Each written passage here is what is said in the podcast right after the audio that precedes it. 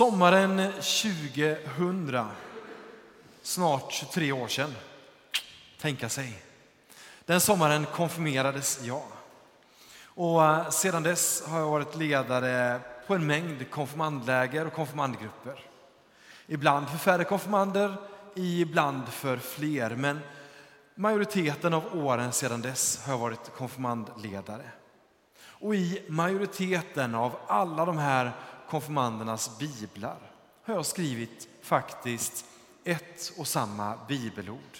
Nämligen dagens gammaltestamentliga text, Jesaja 43.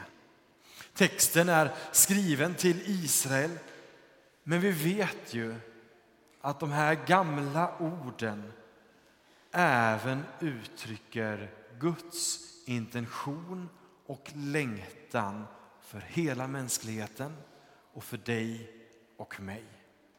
Så nästa gång du befinner dig i en svår sits eller vägen framåt känns tung och jobbig. Testa att meditera över just de här verserna från Jesaja 43 och gör dem till dina egna. Där vi får höra Gud som skapat dig, som säger till dig och mig var inte rädd. Jag har friköpt dig. Jag har kallat dig vid namn. Du är min. Vattenmassorna ska inte dränka dig. Lågorna ska inte bränna dig. Du är dyrbar för mig. Tänk vilken fantastisk hälsning från Gud till dig och mig. Ett litet annat spår har du varit med vid något tillfälle med att stå vid en maskin och så får du den inte att fungera? Det går liksom inte att sätta igång den. Kanske har du varit på jobbet, kanske har det gällt en vattenkokare eller kaffekokare.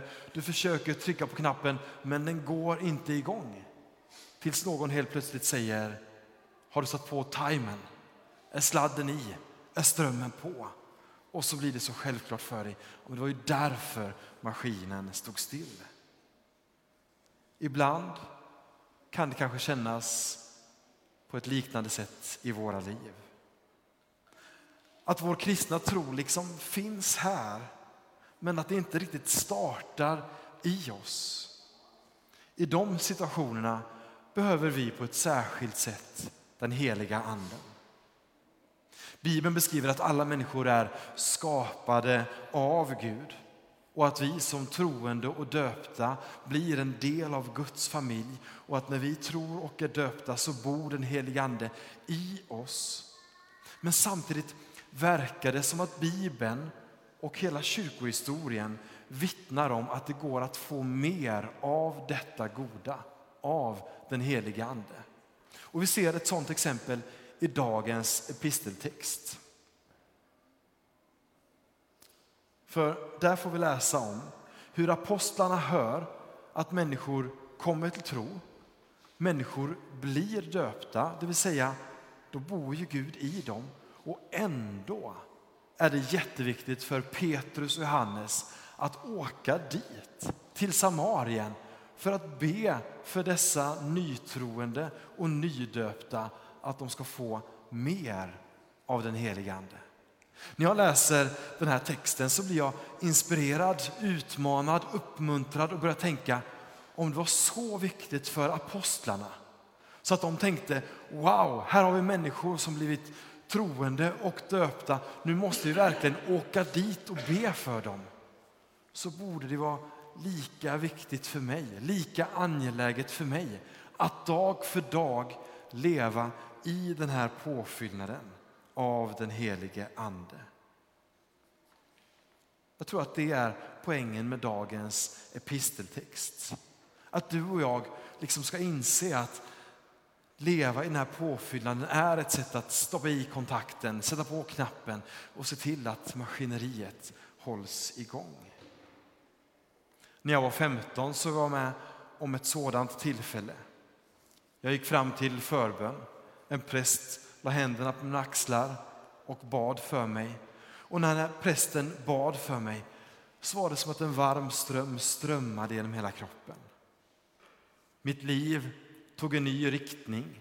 Mitt liv fick en ny prioritering. En prioritering som handlade om att dag för dag fyllas av den helige Ande. Serafim av Sarov säger till och med att det är hela livets mening.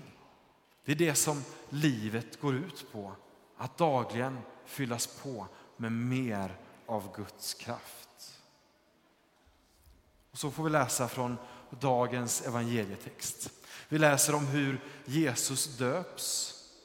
Det var något som skedde för några tusen år sedan nu. Och samtidigt är det också en bild för vad som händer dig och mig när vi döps och lever i vårt dop. Himlen öppnas, himlen blir vidöppen. Guds ande sänker sig ner och Gud själv talar över Jesus. Du är min älskade, du är min utvalde.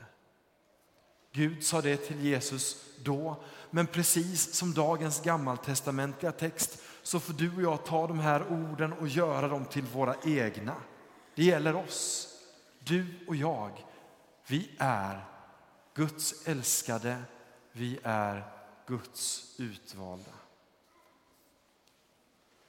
Och vet ni, om alla vi här inne skulle få ett gäng post-it-lappar var och skriva på de här post-it-lapparna vad vi tycker är fina saker som någon kan säga till oss. Och sen skulle vi sätta upp alla de här post-it-lapparna på en av väggarna här i kyrkan.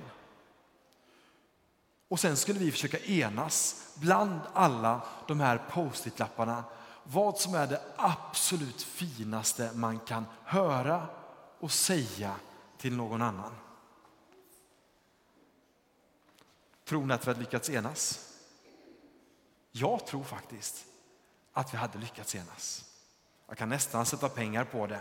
Jag tror att hade vi plockat bort lapp efter lapp för att till slut enas om några få lappar kvar där, då tror jag att vi nästan enhälligt hade lyckats enas om några post-it-lappar och på de post-it-lapparna är jag nästan övertygad om att det skulle stå att det finaste vi kan ta emot och det finaste vi kan säga till varandra är jag älskar dig. Och precis det är det som Gud säger över Jesus och till dig och mig. Jag älskar dig. Det är ord som inte handlar om dagsform. Det är ord som inte handlar om dagsprestation. De här orden handlar egentligen inte ens heller om något spontant infall. Det här är ord, jag älskar dig, som andas medvetenhet, som andas vilja, som andas djup omsorg. En djup omsorg att vila i, misslyckas i, upprättas genom. Jag läste ett citat nu i veckan och det gick så här. Hur kan vi vänta på en sällsynt fågel men vända bort blicken när vi möter en udda människa? Hur kan vi värdera ett feltryckt frimärke till några miljoner men en kantstött människa till ingenting? Varför hanterar vi ömtåliga glas med silkesvantar men låter sköra människor hamna på gatan? Så till alla oss som ibland kan känna oss udda, kantstötta och sköra så får vi i dagens texter ta med oss Guds tilltal att du är Guds älskade, du är Guds utvalda och Gud längtar mer än någonting annat att få fylla dig och mig med mer av sin ande. Vi ser det i kyrkohistorien, vi ser det i Bibelns texter och vi ser det på ett särskilt sätt i dagens episteltext. När människorna i Samaria tog emot tron, blev döpta, då var det det som apostlarna prioriterade som högst just då. Vi måste åka dit och be om att de ska få mer av den heliga Ande. Så under nattvardsutdelandet idag får du gärna komma fram till mig. Jag kommer stå där nere för personlig förbön. Så ber jag en kort bön för dig att du ska få mer av Andens kraft. Eller så kan du, när du tagit emot nattvarden här, passera dopfunten, doppa dina fingrar i dopets vatten, korsteckna dig i pannan som en påminnelse om ditt dop och om Gud som talar över dig, att du är hans älskade och hans utvalda. Det är en påminnelse och ord att ta med sig nu i veckan som kommer. Vi är Guds älskade och vi är Guds utvalda.